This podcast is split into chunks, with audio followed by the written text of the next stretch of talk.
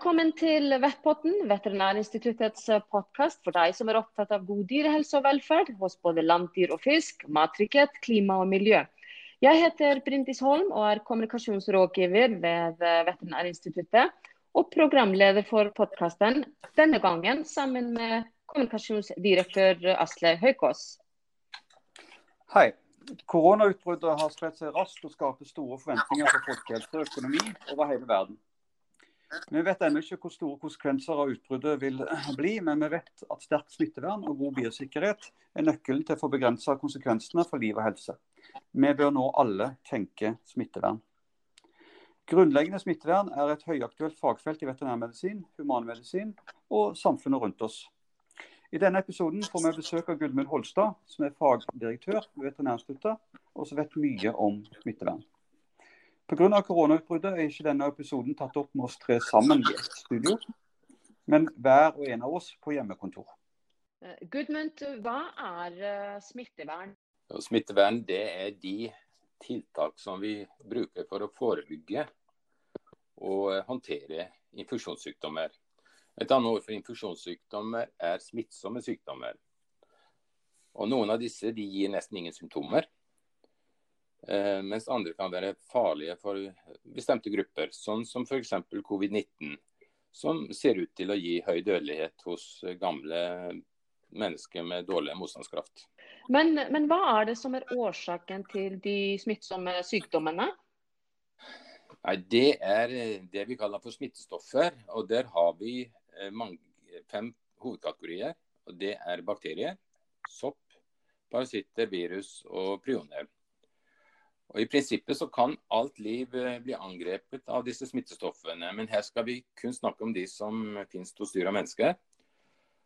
Og Disse kan vi kategorisere igjen i såkalte humanpatogener, dyrepatogener og zoonotiske patogener. Og De humanpatogener de gir sykdom hos mennesker, og de dyrepatogener gir sykdom hos dyr. Mens de zoonotiske de kan smitte mellom dyr og mennesker og gi sykdom enten hos dyr eller mennesker, eller både hos dyr og mennesker. Og så er det slik at De fleste alvorlige sykdommer hos mennesker de har sitt opphav hos dyr. Det vet man i dag. Og Dette viser at helse hos dyr og mennesker henger veldig nøye sammen. Og Samfunnet må derfor alltid ha solid smittevern mot de alvorlige infeksjonene, både hos dyr og mennesker. Vi skal også beklage at dyrene kan være helt friske men likevel bærer det smittestoff som kan gi alvorlig sykdom hos mennesket. Og Her er covid-19 et eksempel. Det er et virus som finnes hos flaggermus uten at flaggermus er syk, eh, mens mennesket kan bli eh, veldig sykt.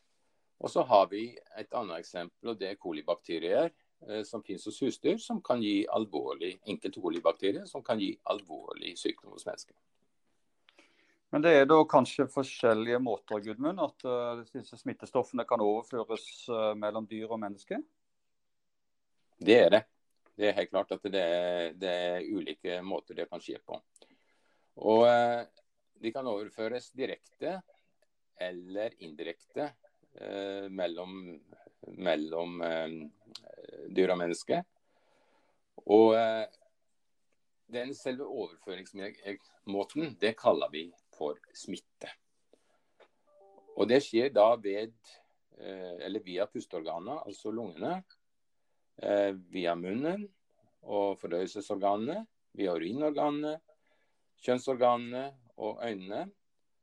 Og så kan det forekomme gjennom hud, sår og injeksjoner, eller også via blodsugende insekter, f.eks. flått. Nettopp. Og er det sånn at det er et bestemt antall smittestoff, eller altså, er det mengden smittestoff som er avgjørende for at et skal, et menneske skal bli sykt? Ja, mengden smittestoff er nesten alltid avgjørende. Det er ikke sånn at ett et enkelt virus, en enkelt bakterie eller en enkelt sopp nødvendigvis vil gi, noe, eh, vil gi sykdom. Eh, det vil alltid være snakk om tallet, eller antall eh, smittestoffer. Vi bruker gjerne et begrep som heter infeksjonsdose, som da angir mengden smittestoff som er nødvendig for å gi sykdom under bestemte betingelser. Og eh, Det er veldig stor variasjon mellom de ulike smittestoffene hvor stor dose skal til for at de framkaller eh, sykdom. Eh, dette varierer også med hensyn på smitteveier. Alvorlighetsgraden som de ulike smittestoffene eller alvorlighetsgraden og sykdom som de ulike smittestoffene forårsaker, er også forskjellig. Og det er selvfølgelig avhengig av eh, immuniteten hos vertsdyret. Ordet smittekilde brukes ofte i, i denne sammenhengen. Hva, hva, betyr det? Nei, det, det er et begrep som vi bruker for å beskrive hvor smittestoffet befinner seg. Altså hva som er opphavet til smitten. Og Det kan være dyr og mennesker, både syke, friske og, eller døde. Men det kan også være helt andre ting. Det kan være f.eks. fôret, maten vår og vannet og gjenstander.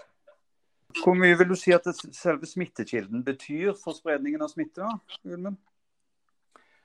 Ja, Den betyr faktisk veldig mye, og det er det veldig store forskjeller. Altså De smittebærende levende dyrene og menneskene er de som utgjør den høyeste risikoen for å spre smitte. Så skal man også være klar over at mat og fôr og drikkevann som inneholder smittestoffer, de kan også være en veldig viktig kilde for spredning, nettopp fordi at de, de treffer så mange individer og kan smitte over veldig store avstander. Eh, litt om hvorfor de levende dyrene er så viktige som smittekilde. Og det er slik at i, Når et smittestoff kommer inn i et dyr, så møter det eh, motstand fra immunapparatet til, eh, til, verten. Og det mikrobene da ofte gjør, det at de går inn i noe som vi kaller for kampmodus. Altså de blir farligere enn de nødvendigvis vil være utenfor verten. Og Det er fordi at de skal forsvare seg mot immunapparatet.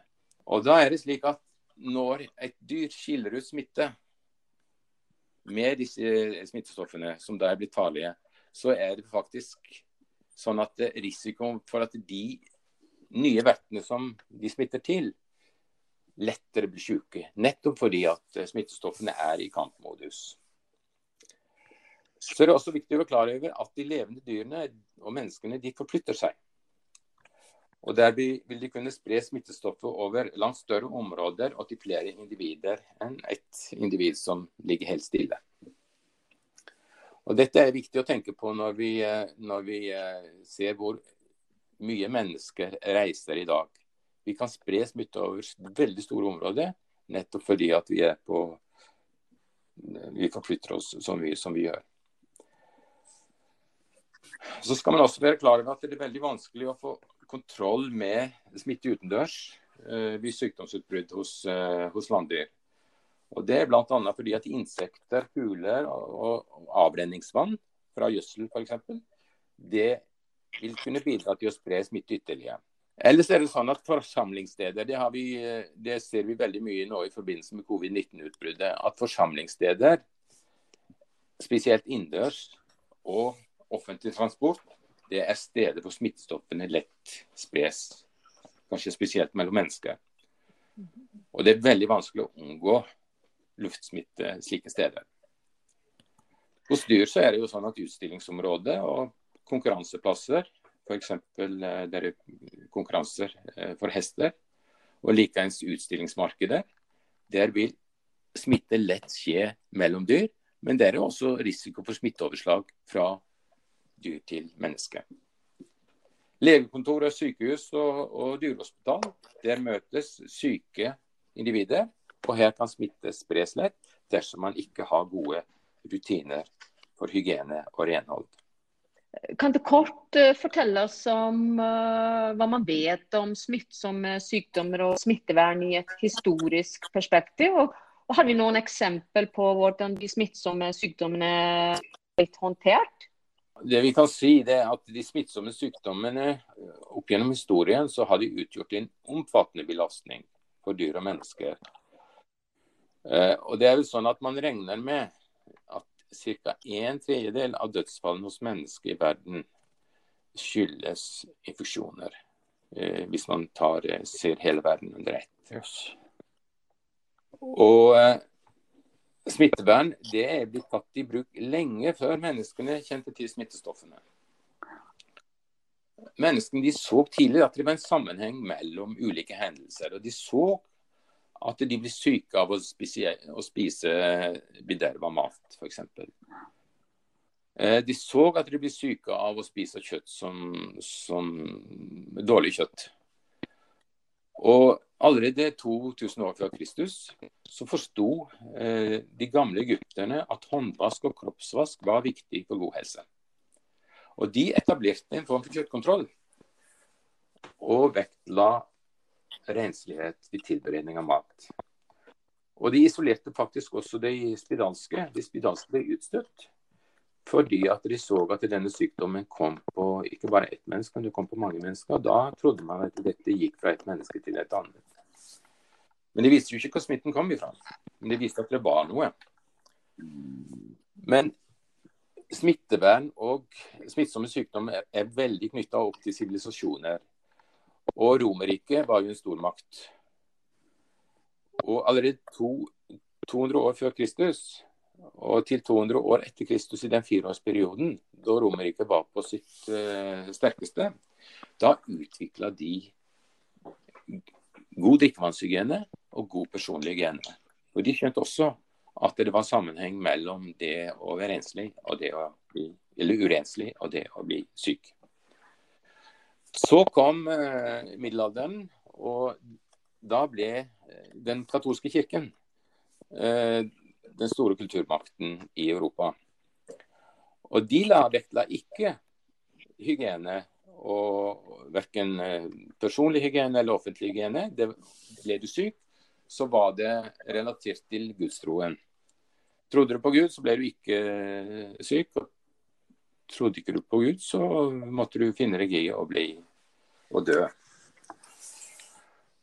Og De hygieniske forholdene i, i, middelalderen var faktisk ganske groteske. Det var store epidemier av alvorlige sykdommer som f.eks. Eh, tuberkulose og lepra. Først på midten av 1800-tallet at uh, det moderne smittevernet i Europa eh, starta. Så det er egentlig ganske nytt.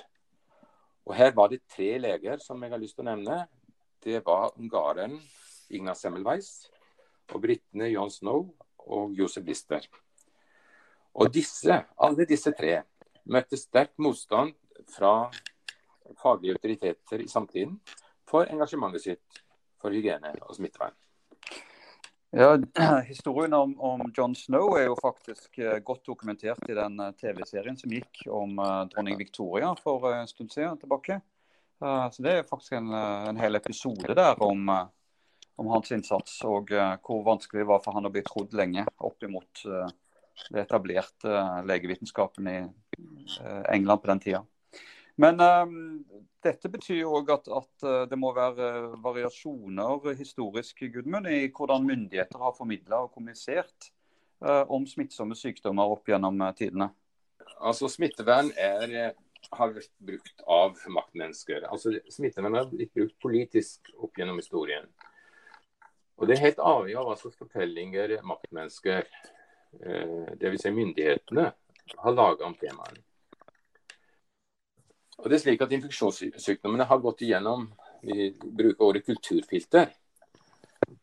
Og Det har kanskje hatt minst like stor betydning for mennesker som infeksjonene selv har hatt. Og Fortellingene er blitt brukt til å stigmatisere svake grupperinger. F.eks. immigranter, flyktninger og slaver, og etniske minoriteter. Og så har det blitt fram, brukt for å framheve betydningen av religion og moral, med fokus på skyldspørsmål og skam, sånn som katolikkene gjorde delvis i middelalderen. Og det har selvfølgelig også ligget økonomiske motivet Eh, bak med etablering av handelsbarrierer, stengning av markeder og tap av eiendom. Et godt eksempel er spanskesyken som kom i 1918 og 1919. Altså slutten av, andre, eller, slutten av første verdenskrig. Den ble fortiet i Europa av militære årsaker. Det var bare i Spania at den sykdommen var veldig kjent i det offentlige rom. Så har vi bekjempelse av malaria. Den infeksjonssykdommen som har vært årsak til flest dødsfall hos mennesker de siste tiårene. Den har vært nedprioritert i de rike nasjonene fordi den hovedsakelig har vært et problem i den frie verden. Så ser vi hva vi prioriterer i dag. De rike nasjonene har veldig fokus på antibiotikaresistens. Det er fordi at man med god grunn eh, frykter at man ikke skal kunne behandles mot infeksjoner i framtida eh, pga. at ingenting eh, vil virke. Og så har vi i dag frykten mot covid-19, en, en uh, infeksjon som spres veldig raskt. Og den får veldig stor innflytelse på måten vi lever på, og vil sikkert få det i lang tid framover, fordi at vi mister friheten vår. Eh, det vil være veldig avgjørende hvordan myndighetene eh, håndterer denne, denne pandemien. Eh, og hvordan vi kommer til å se på smittsomme sykdommer og smittevern i framtiden. Så det er en stor jobb som foregår nå. Myndighetene gjør sitt beste. Det er jeg helt overbevist om. Men eh, det er klart at vi må lære noe av det som, eh, som skjer i dag. Men generelt sett så kan man si at et velorganisert samfunn er en forutsetning for lav forekomst av smittsomme sykdommer. Det gjelder både hos dyr og mennesker. Vi vet hva som skjedde i Russland når eh, Sovjetunionen kollapsa og vaksinasjonsregimene forfalt. Da kom f.eks. difteri tilbake som sykdom i Russland. Eh, og så har vi krigene. Kriger er en katastrofe for smittevernet. Så man kan si at de væpnede konflikter har også en biologisk stridsside. For langt flere mennesker blir syke og dør i krigssituasjoner enn i fredstid. Tilbake til dette måten vi lever på. Vi har laga en sivilisasjon som forutsetter enorm forflytning av biomasse, enten til levende mennesker, dyr og biologiske produkter i verden i dag. Og Er det bærekraftig? Jeg stiller spørsmålet. Kanskje det spørsmålet kommer nå etter covid-19. Er dette en riktig måte å drive en sivilisasjon på? Men uh, kan du si noe om uh, smittevernfokuset sett fra et veterinærmedisinsk perspektiv? Ja, I prinsippet så er smitteverntiltakene de samme i veterinær- og humanmedisin. De går ut på å bryte smittekjeden. og det vil si at man reduserer det gjennomsnittlige antall individer som smittes, fra én enkelt smittebærer til å bli mindre enn én. Altså Én smittebærer skal ikke føre smitten videre til andre individer. Det er prinsippet. Og Hvordan gjøres det? Jo, det gjøres enten ved å hindre smittebærer i å skille ut smittestoffer, eller ved å hindre at utskilte smittestoffer når fram til nye smittemottakere. Og så er det viktig å redusere mottakeligheten for smitte, f.eks. ved å styrke immuniteten eh, hos de individene som ikke er smitta, og da kan man bruke vaksinasjon. Og så tilbake til det her med høy kompetanse innen smittevern. Det er helt fundamentalt og det er helt avgjørende for å ha god beredskap mot alvorlige smittsomme dyresykdommer og zoonoser. Derfor må vi som jobber med alvorlige smittsomme sykdommer, selv om vi ikke har disse sykdommene i landet, så må vi trene på at de kan komme. Vi må være forberedt. Akkurat sånn som man gjør i Forsvaret. Man må være forberedt på å bli okkupert, sånn at man vet hva man skal gjøre når de kommer. Det er beredskap. Vi har et, alvorlige sykdommer hos husdyr som er på fremmarsj, f.eks. i Europa f.eks. F.eks. Eh, afrikansk svinepest. Og her må vi ha høy beredskap mot eh, en slik infeksjon. Og det jeg kan si eh, til slutt når det gjelder dette spørsmålet, det er at eh, smittevern omfatter viktige deler av veterinærmedisin. Flere områder. Og veldig mange av de arbeidsoppgavene som veterinærene både i felt og i laboratorier utfører i dag, er relatert til å hindre smittespredning. Ja, og vi ser jo noen drastiske tiltak nå, bl.a. Rundt afrikansk svinepest. Sant? Hvor det bygges faktisk fysisk grensegjerde mellom Danmark og Tyskland for uh, første gang på, på mange tiår. Så, så det, det, er dramatisk, eh, det som skjer der. Men, men uh, kan ikke du si litt om hva for noen smitteverntiltak som nå blir benytta av veterinærer i, i veterinærmedisin? Det er mange forskjellige tiltak som kan brukes, og jeg skal nevne noen av de. Eh, jeg starter kanskje med det aller viktigste når det gjelder de alvorlige smittsomme sykdommene. Og et tiltak som brukes kun i veterinærmedisin, og det er utradering og nedslakting av eh, smitta eller smitta individer, flokker eller flokker eller individer hvor man mistenker at de kan være smitta. Eh, og Det brukes f.eks. ved eh, utbrudd av munn- og kløvsyke hos eh, kløvdyr. Og enkelte virusinfeksjoner hos oppdrettslaks. Målet her er å slå ned smitten raskt. Så er et annet tiltak, og det er isolering, som anvendes ved forbud mot flytting av smitta individer ved utbrudd av meldepliktige husdyr og fiskesykdommer.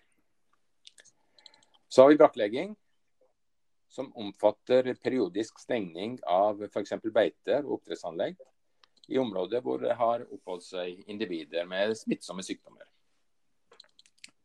Fysiske barrierer brukes, eksempelvis doble gjerder på beiter og dyrefrie soner eller branngater mellom fiskeoppdrettsanlegg. Fysisk behandling og destruksjon, f.eks. varmebehandling og stråling av mat. Kjempeviktig tiltak for å bryte smittekjeden. Så er det noe som eh, har kommet eh, de senere årene i, spesielt i bruk av eh, sterilisering av kadaver. Og det er å behandle med lut. Behandle kadaver med lut, sånn at det blir sterilt. Så det er kanskje det aller viktigste tiltaket, og det er renhold og disinfeksjon. Her nevnes håndvask og vask av utstyr og lokaler. Gjerne før behandling med mikrobedrepende disinfeksjonsmiddel. Og så har vi vaksinasjon, som brukes for å redusere forekomst av sykdom og smitteutskillelse. Her er kvekpest eksempel på en sykdom som er blitt utrydda ved vaksinasjon. Men tilbake til uh, virusutbruddet som nå herjer i verden, uh, covid-19. Hva krever det for å få kontroll over det? Ja, dette viktige spørsmålet bør stilles til helsemyndighetene. Eh, jeg vil ikke svare på det. Eh, men eh, jeg kan komme med noen generelle betraktninger om smittevern, spesielt relatert til veterinærmedisin. Tilbake til det sånn avslutningsvis. Men, men først, det er et sterkt og omfattende tverrfaglig samarbeid innen smittevernberedskap som er i gang nå i forbindelse med covid-19. Og det er avgjørende for å få kontroll over dette virusutbruddet hos mennesker. Ikke bare i Norge, men i verden for øvrig. Dette samarbeidet er ekstremt viktig. Man lykkes ikke her om ikke alle gjør en innsats. Den vanlige mann og kvinne har også et veldig stort ansvar her for å lykkes. Men utfordringen med smittsomme dyresykdommer hos, hos eh, med ut, Utfordringen med smittsomme sykdommer hos dyr og mennesker det vil variere over tid. Men de vil aldri bli borte. Det er kjempeviktig å vite. Og Derfor må smittevernsberedskapen prioriteres høyt.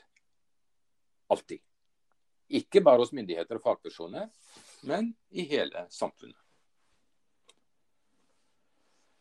Fordi at smittevern det er det samme som infeksjonsforebygging. Og slik forebygging er viktig for at dyr og mennesker ikke bare skal, det, skal være friske, men for at vi skal ha det godt. Det er viktig for velferden vår. Og så er det viktig for å unngå store produksjonstap og store økonomiske kostnader i forbindelse med behandling og smittesanering. Og covid-19-utbruddet fører også til at samfunnsmaskineriet stopper opp. Og det koster enorme summer. En annen ting som jeg har lyst til å nevne her, er at smittevern det bidrar til, at, til et lavere smittepress i eh, dyrepopulasjoner. Slik at, bruket, at behovet for bruk av antimikrobielle midler til behandling blir mindre. Og På denne måten så bidrar faktisk smittevern også til eh, at resistensutviklingen avtar. Høy smittevernkompetanse det gir de veterinære fagmiljøene mulighet til å være i førersetet når det gjelder forskning og utvikling innen smittevern. Og Våre myndigheter de har vært tydelige på at smittevern skulle prioriteres høyt når man bygde et nytt veterinærmiljø på Ås. Og dette høye fokuset på smittevern i det store prosjektet, det er faktisk en viktig del av prioriteringen av området One Health, altså én helse. Og det er det samme som arbeidet for bedre helse hos dyr, menneske og miljø. Og Der har man en erkjennelse av at det er en gjensidig avhengighet mellom helse hos menneske, dyr og miljø. Og Dette forutsetter tverrfaglig og tverrsektorielt samarbeid mellom ulike aktører for å lykkes. Her er det mange, mange aktører inne, f.eks. de humanmedisinske og veterinærmedisinske fagmiljøene, matindustrien, matforvaltningen, natur- og miljøforvaltningen, Forsvaret og myndighetene. Takk skal du ha, Gudmund, for et veldig, uh, veldig fine perspektiver på smittevern og uh, viktigheten av å ha god uh, biosikkerhet. Men det som skjer nå med den, det fokuset som er nå på korona og hvordan det angår oss alle, så tror jeg nok at det er mange som lurer på om du har noen konkrete råd som hjelper de som nå er inne i å forsøke å håndtere den situasjonen vi har nå med koronaviruset. Har du tre enkle råd? Ja. Tenke praktisk og lage gode rutiner. Prioritere personlig hygiene og renslighet. Og være forberedt på krisene. Tusen takk, Gudmund Holstad, fagdirektør ved Veterinærinstituttet. Dette var veldig, veldig interessant. Hjertelig takk.